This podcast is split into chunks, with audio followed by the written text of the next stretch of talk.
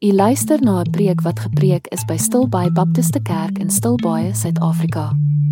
Vir meer inligting, besoek asseblief ons webblad by stilbaibaptist.co.za. Mag u geseën word deur God se woord vandag.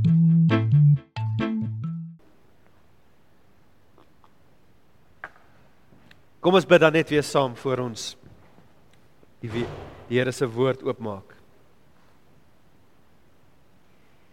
Here, dankie vir u woord.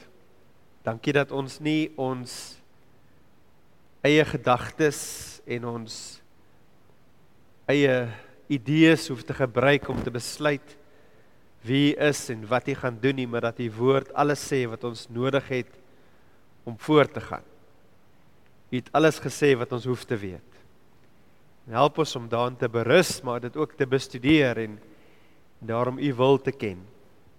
So dankie Here dat ons vandag ook 'n woord kan oopmaak om u stem te hoor. Ons bid dit in Jesus se naam. Amen. Ons is in 'n in 'n reeks in die boek 2 Tessalonisense. Ons het 1 Tessalonisense gedoen. Nou begin ons by 2 Tessalonisense en die die die tema vir hierdie hele boek is die idee van groei tot hy weer kom. So in die eerste boek het hy vir hulle gesê ek is so opgewonde en so bly dat julle gered is Maar wat nou? En dis baie keer ons vraag ook. OK Here, ek is gered, maar wat nou? Want nou nou is ek nog hier. Ek is nog nie in die hemel waar ek wil wees nie. Die ewigheid het nog nie aangebreek nie. Wat nou? En wat hierdie boek en die res van die Bybel ons leer is hierdie vir ons is 'n tyd van groei. Dis nie 'n tyd vir selfsugtig lewe en my eie drome najag en alles uit die lewe kry wat ek wil hê nie. Dis 'n tyd van groei om al meer soos Jesus te word. Groei in heiligheid, groei in wysheid, groei in nuttigheid, groei in kennis.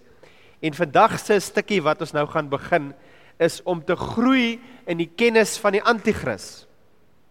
Nie net om te weet nie, maar ook dat ons goeie besluite kan neem en ook en dis die groot ding van die anti-kris dat ons nie mislei sal word deur die anti-kris nie. Um En dis hoekom ons dan nou vandag begin en die tema is die anti-kris beskerm jou hart en jou gedagtes. Nou dit hang baie af van watter kerk jy groot geword het. As jy in 'n kerk groot geword het. Baie kerke sal elke week of ten minste elke tweede week dan praat hulle oor die eindtyd. En so die anti-kris word gereeld genoem. Ander mense weer het dalk groot geword in kerke waar dit nooit genoem word nie. Nou, ek gaan nou nie sê watter kerk ek in groot geword het nie. Maar ek kan nie dink in die hoeveel 20 25 jaar wat ek in daardie kerk was, het ek ooit die woord anti-kris van die preekstoel af gehoor nie. Nou dit kan ook wees dat ek nie geluister het nie. Dit moet ek ook dan by sê. Hulle dalk daaroor gepraat terwyl ek aan die slaap was. Dit is 'n baie goeie kans. Maar ek kan nie dink dat ek ooit in my lewe 'n preek gehoor het oor die anti-kris nie.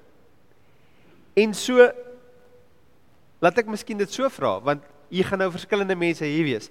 Jy gaan party wees wat nooit daaraan dink nie, jy gaan party wees wat baie daaroor dink. Kom ons begin daar. Wie van julle het al ooit van die anti-kris gehoor? Steek op jou hand. Okay, Jesus dan maar op 'n goeie plek.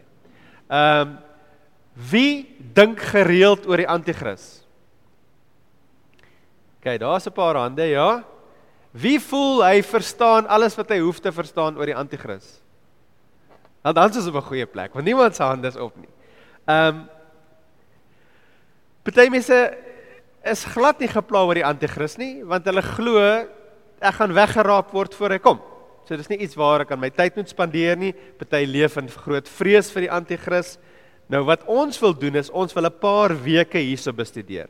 Ons gaan 2 Tessalonisense as ons grondteks gebruik, maar ons gaan ook verwys na ander tekste in die Bybel Dis nie altyd dieselfde naam wat gebruik word nie. Die woord anti-kris word nooit in 2 Tessalonisense gebruik nie.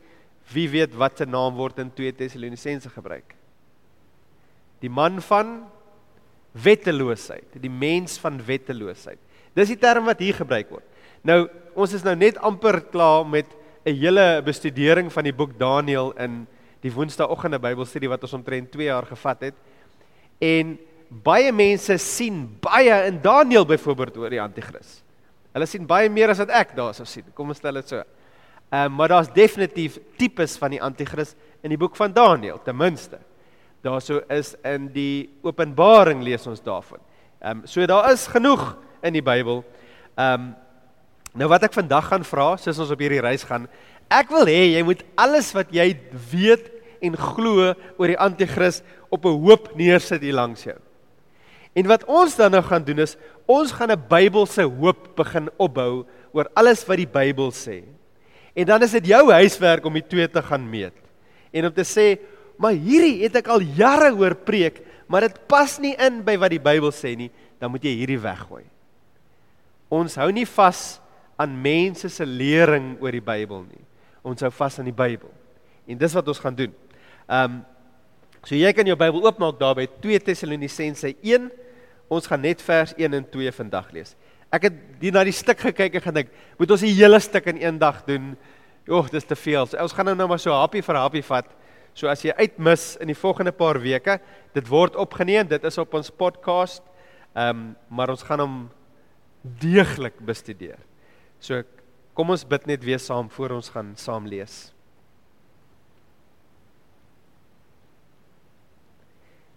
Here, dankie vir u woord, wil ek net weer eens sê. Dat u plan was nooit om ons verward en in die duister te laat en onkundig oor wat voor lê nie.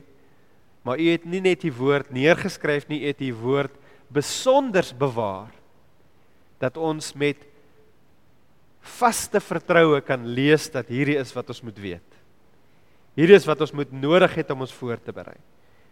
En so help ons om nie ons eie idees in te lees nie, nie te lees wat ons wil hê nie, maar dat ons die teks sal lees en sal verstaan. Maar bo al Here wil ek ook net weer vra dat ons nie so behep raak met die anti-kris dat ons die ware Christus mis. Here, dankie dat ons gedagtes en ons dae en ons ure gevul kan word deur U. En dis goed en dis genoeg. En ons sê dankie daarvoor in die naam van Jesus. Amen. Ons lees daar in 2 Tessalonisense 2 vers 1 en vers 2 wat sê wat die koms van ons Here Jesus Christus en ons ontmoeting met hom betref, vra ons julle broers om nie skielik kop te verloor en veronderus te word deur 'n geestesuitspraak of 'n woord of 'n brief wat skynbaar van ons sou kom en waar volgens die dag van die Here reeds aangebreek het nie. So, wat is die kwelling wat Paulus hierso aanspreek? Dis 'n groot bekommernis by hulle dat die dag van die Here en die ontmoeting met hom reeds plaasgevind het en hulle dit gemis het. Nou in 1 Tessalonisense was dit nie hulle bekommernis nie. Wat was hulle bekommernis daar? Daar was hulle bekommernis dat hulle bang is dat die dooies gaan uitmis. So hulle het hierdie heel hulle het 'n goeie idee gehad van die wederkoms as wanneer Jesus kom en die mense saambring na hom toe en hy maak alles nuut en hulle het begin dink in 1 Tessalonisense, maar net almal wat op daai stadium nog lewe gaan deel hê daarvan. So as my man of my vrou of my pa of my kind nou al reeds dood is, dan gaan hulle nou maar net dood en gedaan en weg en hulle gaan uitmis. En in 1 Tessalonisense maak Paulus dit vir hulle baie duidelik, niemand gaan uitmis nie. Die dooies gaan opstaan, die wat lewendig is op daai oomblik, almal gaan deel hê daarvan. Maar toe verander hulle bietjie waaroor hulle bekommerd is. En toe is hulle bekommerd dat hulle self uitgemis het. Ehm um, nou dalk moet ons net eers te vra wat verstaan of wat bedoel hulle met die koms van die Here en ons ontmoeting. Want dis wat hulle dink hulle gemis. Ons het gemis die koms van die Here en ons ontmoeting. Nou hierdie sê ek ook baie gereeld as 'n baptis het jy ruimte om verskillende dinge te glo oor die eindtyd.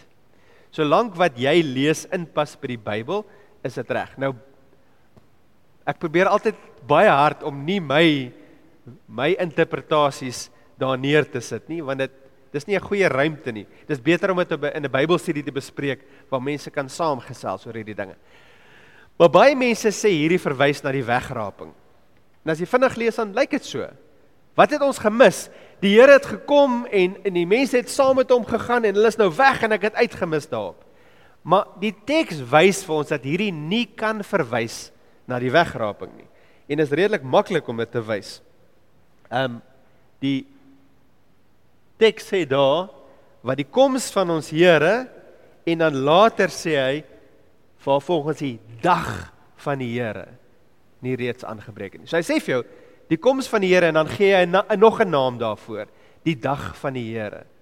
Nou daai is 'n term wat jy verskriklik baie in die Bybel kry, veral in die Ou Testament, die dag van die Here.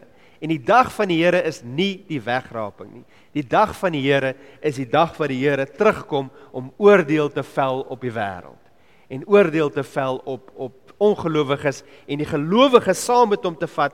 Dis hierdie prentjie in in Openbaring van Jesus wat op die oorlogspad is.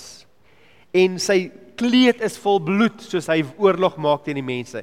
En voor hom is almal wat sy vyand is en agter hom is almal wat sy mense is. En so ons is saam met die Here, ons volg hom op hierdie oorlogspad. En nou die dis wat hulle gedink het hulle gemis het. Nou nou begin jy vir jouself vra maar, hoe op aarde kan jy dink dat jy dit gemis het? Dit klink na 'n groot ongelooflike besonderse dag wat die hele wêreld beïnvloed. Hoe kan jy dink dat jy gemis het? Hoekom hulle so gedink het, kom uit die vorige brief van Paulus. Iemand het iets gevat wat Paulus gesê het en weer daarmee op hol gegaan. En waarmee hulle op hol gegaan het, is hierdie vers in 1 Tessalonisense 5 vers 2 wat sê, want julle weet self baie goed dat die dag van die Here, daar's hy term weer, soos 'n dief in die nag gaan kom. Ons het die dief gemis. Die dief was hier en hy's weg en ons het hom gemis. En hulle het hierdie hele konsep opgebou dat jy kan dit mis want dit is soos 'n dief van die nag. Nou hulle moes dalk Paulus se hele brief gelees het want hy het die hele punt gemaak vir ons kom dit nie soos 'n dief van die nag nie. Ons is gereed daarvoor. Maar vir die wat hom nie ken nie, gaan dit soos 'n dief van die nag wees want hulle gaan dit nie verwag nie. En dis net maar 'n ding wat baie keer met ons ook gebeur. Die Bybel sê 'n paar dinge oor die eindtyd, maar daar's goed wat dit nie sê nie. En menslik hou ons nie van hierdie gate nie. Ons moet iets hier indruk. Iets moet hier in. Hierdie is nie maak nie vir my baie duidelik nie. Ek wil hom duidelik hê. Dan gooi ek my eie idees daarin en ek gooi my eie sement om die bakstene net dat ek kan voel hierdie werk vir my. Ehm, um, maar dit is nie waar nie. OK, so. Ehm um, dan kom ons nou terug na die teks toe. So wat ons nou verstaan is, hulle was bekommerd, hulle was bang, hulle het die dag gemis. En dan wat Paulus dan vir hulle sê is Ek wil net hê ouens, julle moenie so bekommerd wees nie. En hy vermaan hulle om hulle harte en hulle gedagtes te beskerm sodat hulle nie so gou uitmekaar uitval elke keer as iemand net 'n nuwe storie bring nie. En dit gebeur natuurlik glad nie met ons nie. Daar's geen WhatsApp video's wat omgaan wat mense op hol jaag en skielik is almal nou weer bekommerd en jy moet dit vir die pastoor stuur dat hy 10 minute van sy dag moet gebruik om na 'n video te kyk wat absoluut nonsens is. Ehm um, maar ons leef baie keer in vrees vir hierdie dinge. Maar wat as hierdie nou die video is wat al die antwoorde bevat en ek verstaan nie die video nie of die video maak my bang of die video maak my kwaad. En Paulus sê vir hulle, "Wow. Moenie so skielik kop verloor en veronrus word nie." Nou dit praat oor twee dinge. Kop verloor gaan oor wat jy dink en wat jy weet. Ehm um, veronrus is jou emosies. So wat was die probleem hier? Hulle het iets gehoor en dit in hulle koppe ingesit as waarheid. En dit het hulle verskriklik omgekrap en hulle emosies het gevolg dat hulle daardeur um op hol gejaag is en vrees en angs beleef het. En die groot probleem wat Paulus hierso sê is dat jy dit skielik doen. Iemand sê iets en jy vat dit net. Iemand stuur 'n video op WhatsApp en jy kyk dit net en hierdie moet die waarheid wees. Um dit is baie keer so ek sê ook ons probleem. Ehm um, wat is God se oproep in hierdie situasie? Kry beheer oor jou gedagtes en jou emosies. Moenie so vinnig net na iets luister nie. Nou wat dit nie sê, dit sê nie sluit jou af vir alles nie. Moet nooit na enigiemand luister nie, moet niks kyk nie, hou net wat jy het. Dis glad nie wat dit sê nie. Maar wat dit sê is wees rustig. Bring goeders in meet dit aan die woord. Verwerp dit as dit nie pas nie. So maklik soos dit. Ehm um, ek hoef niks skielik te aanvaar nie. Maar dan gee hy vir ons baie goeie raad as hy voortgaan in hierdie brief om te sê, hoe weet ek wat ek maklik kan los? Hoe weet ek die goeders wat ek nie baie aandag aan hoef te gee nie? En dit gaan oor waar jy jou inligting kry. Ehm um, hy praat daarvan jy word omgekrap deur 'n geestesuitspraak of 'n woord of 'n brief. Nou die die term geestesuitspraak hierso is eintlik net die term gees. Die Griekse woord pneumatos, dis maar net daar. Hy sê jy is omgekrap deur 'n gees. Nou dit kan 'n paar dinge beteken. Dit kan beteken dat hulle letterlik 'n gees of 'n engel gesien het wat vir hulle boodskap gebring het wat wat gesê het dis verby. Julle het dit gemis. So gee nou op op hierdie hele Christelike ding want dit is nou net duidelik dat julle nie een van die goeie ouens was nie. Julle het uitgemis. Kan 'n engel vir jou so iets sê? Kan iets wat soos 'n engel lyk vir jou so iets sê? Beslis. Beslis. Ons kry dit in Galasiërs. Galasiërs 1 vers 8 sê: "Maar selfs al sou ons of 'n engel uit die hemel 'n evangelie aan julle verkondig in stryd met wat ons aan julle verkondig het, laat hom vervloek wees." Paulus sê selfs al skryf ons eendag vir julle iets om te sê ouens, ons het nou van plan verander. Nee. Uh -uh. Maar wat as 'n engel uitdaag uit die hemel uit? en hy sê nee nee, julle het nou die evangelie gehad, maar hier's nou 'n nuwe evangelie wat julle nou moet bypas. Dan sê hulle jy is vervloek. Nou watter baie groot geloof het begin deur 'n engel wat gekom het en gesê het, ja, julle het iets, maar hier's nou nuwe inligting. Sê weer? Ehm um, jo Joseph Smith. Ja, die Latter-day Saints. Wat daar in die bos was en toe kom Mor Mor Moranius as die as die Engelse naam so iets en hy het gekom en die goue plate gebring en nou het hulle 'n ekstra boek, the Book of the Mormon. Ehm um, watter ander groot geloof het so begin? Die moslems. Ehm um, Mohammed was ongeletterd. Hy kon nie lees nie, hy kon nie skryf nie. Hy ontmoet hierdie engel in 'n grot want hy het na die grot gegaan om dieper waarheid te soek. Hy was goeie vriende met die Jode, hy was goeie vriende met die Christene, maar iets het vir hom gemis. Hy was verskriklik kwaad vir sy eie mense wat pantheologists was wat baie gode gehad het. Hy het gehou van die Joodse idee van 'n enkele God. Hy het in die grot gaan sit en hier daag 'n engel op en sê, "Nou gee ek vir jou 'n nuwe waarheid." Weet jy wat was sy eerste reaksie? Wie weet? Hy het weggehardloop want dit het vir hom sleg gevoel. En hy kom by sy oom, ek dink dit was sy oom gewees en sy oom sê, "Gaan terug en luister." En hy gaan terug en hierdie engel vertel vir hom: "Ja, ja, ja, daar was 'n Moses, ja, daar was 'n Jesus, maar kom ek vertel vir jou oor jouself, Mohammed, ons nuwe leier, ons nuwe profeet." En so die geskiedenis is vol van engele wat na mense gekom het en valswaarhede vertel het. So dit kon dit wees, dit kon wees dat die duiwel in die vorm of 'n 'n demoon in die vorm van 'n engel gekom het en hulle probeer mislei het, maar wat dit 10 teen 1 beteken het is dat mense na mekaar gekom het en gesê het um, die Here het vir my gesê dat dit gaan ek het 'n geestes boodskap van God gekry wat ek vir jou moet gee en die Here het gesê dat jy het uitgemis op hierdie ding. Um, nou wat Paulus hierso vir hulle sê is julle luister te vinnig na na mense wat sê die Here het gesê. Julle luister te vinnig. Te te veel waarde aan iemand wat kom en sê die Here het gesê. Dan praat hy van ook of 'n brief of 'n woord wat skynbaar van ons af gekom het. So julle eerste probleem is dat julle te te vinnig dinge vat. En die tweede een is julle is te goed gelowig. Mense kom en sê, "Kyk, Paulus het hierdie brief geskryf. Dit kom van Paulus af. Dit moet die waarheid wees." En almal gaan, "Okay, cool. Dit moet seker die waarheid wees." Nou wat met my baie keer gebeur is, mense stuur my goed dan sê hulle, "Is hierdie waar of vals?" Nou, dis 'n goeie vraag om te vra. Goeie plek om te begin. Dan gaan ek op Google, dan tik ek daai woorde en dan sê ek hoax. En dan soek ek en dan gee dit vir my 24000 bladsye wat vir jou sê hierdie is nonsens. En wat vir jou probeer leer is jy kan ook Google. Jy hoef nie vir my te vra om vir jou te Google nie. Moenie iets net aanvaar omdat iemand dit vir jou sê nie. Dit is hoe Satan mense mislei. Deur te kom en te sê, die Here het gesê, deur te kom te sê, hierdie ou bekende leier in in dis mos altyd hierdie ou het dit op TV gesê en hierdie ou op CNN het dit gesê en hierdie ou op TBN het dit gesê. Sê wie? Jy aanvaar niks voor jy nie jou navorsing gedoen het nie. En nog meer, jy stuur niks aan voor jy nie jou navorsing gedoen het nie. Want as hierdie 'n leuen is en jy stuur dit aan, dan is jy 'n leuenaar. En jy is die verspreider van leuns en valswaarhede.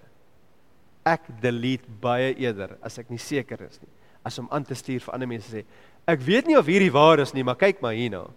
Dis nie goed genoeg nie.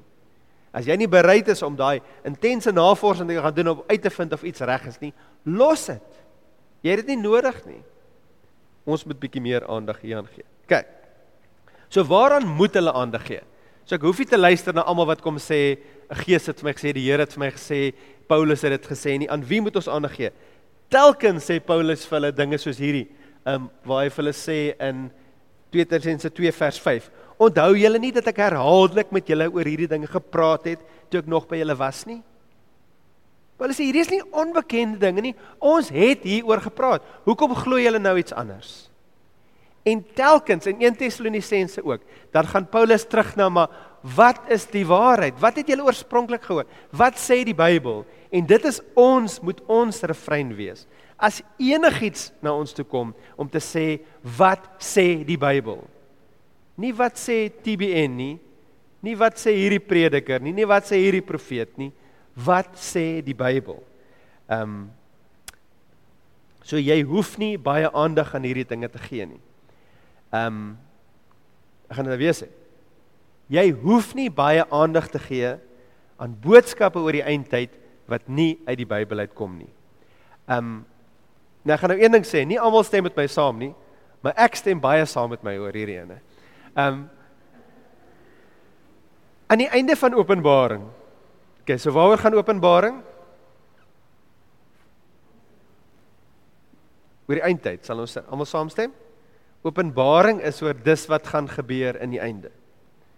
Wat is een van die laaste verse van Openbaring?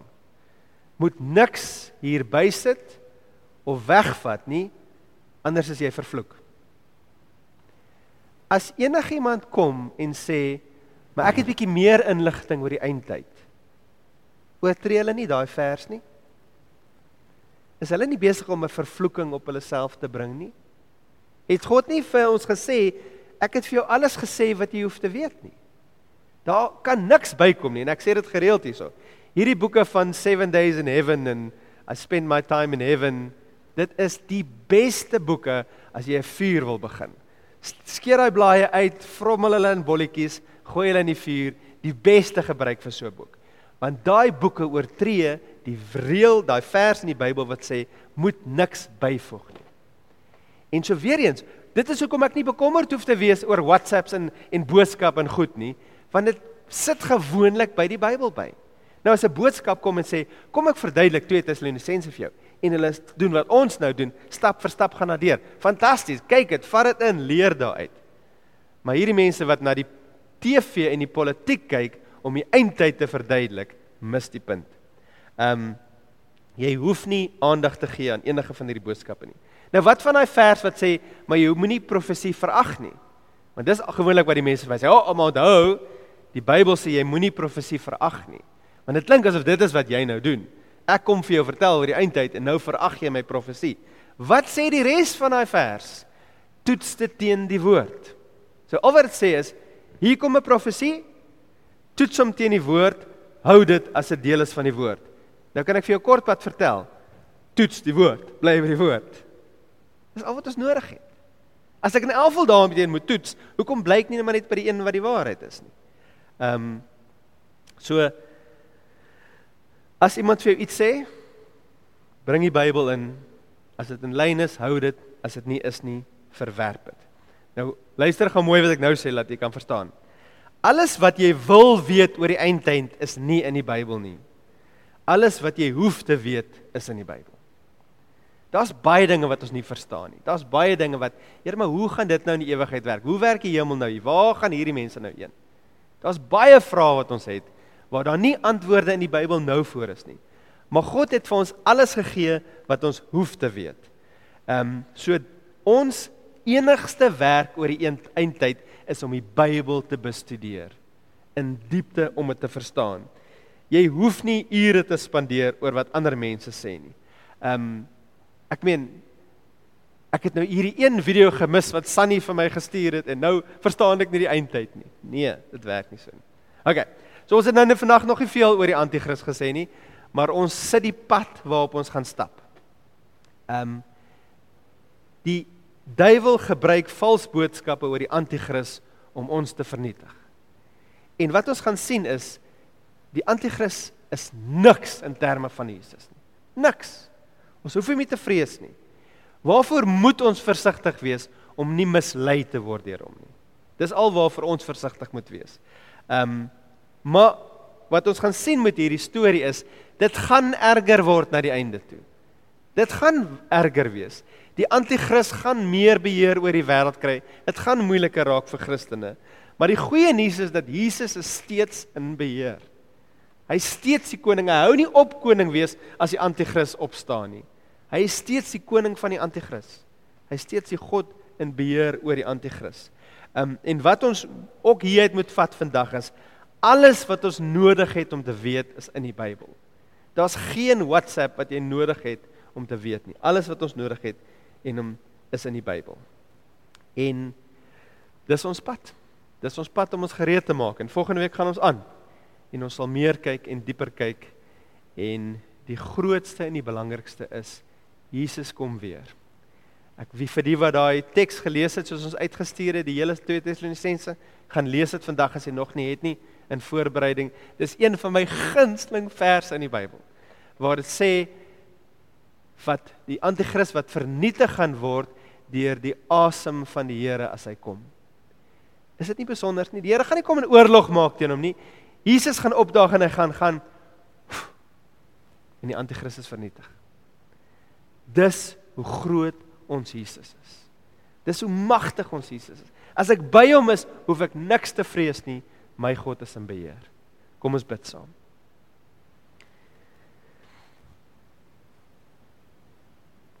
Hemelse Vader, ek wil kom bid dat U ons op 'n plek sal kry waar ons beheer kry oor ons gedagtes en ons emosies. Here dat ons nie ook iemand is wat net so skielik omval as daar 'n nuwe boodskap kom of 'n nuwe ding in gebeur op die wêreld ehm um, toneel nie as iets gebeur wat nou bots met ons verstaan of iets wat nou vir my lyk asof dit nou die anti-kris gaan wees, Here dat ons nie gedryf sal word hierdeur nie. Maar dat ons mense van die woord sal wees wat u woord bestudeer, wat u woord verstaan sodat ons vreesloos kan vorentoe stap in vertroue dat u weet wat u doen en dat u ons sal beskerm. Here ons gebed is ook vir die wat sê dat hulle u ken maar so min weet dat hulle maklik mislei kan word deur die anti-kris. Here dat U die kerk sal terugbring by U waarheid, by U goedheid, om in U voetspore te volg en nie so maklik weg te draai nie. Dis ons gebed vir onsself en vir almal Here wat U ken, dat U ons sal versterk met U woord en U gees in U krag. Ons bid dit alles saam in die wonderlike naam van Jesus. Amen. Ons hoop u was geseën by die aanhoor van God se woord vandag. Vir meer inligting of vir gebed, besoek asseblief ons webblad by stilbybaptist.co.za. Mag u u lewe vind in Jesus Christus en hom alleen.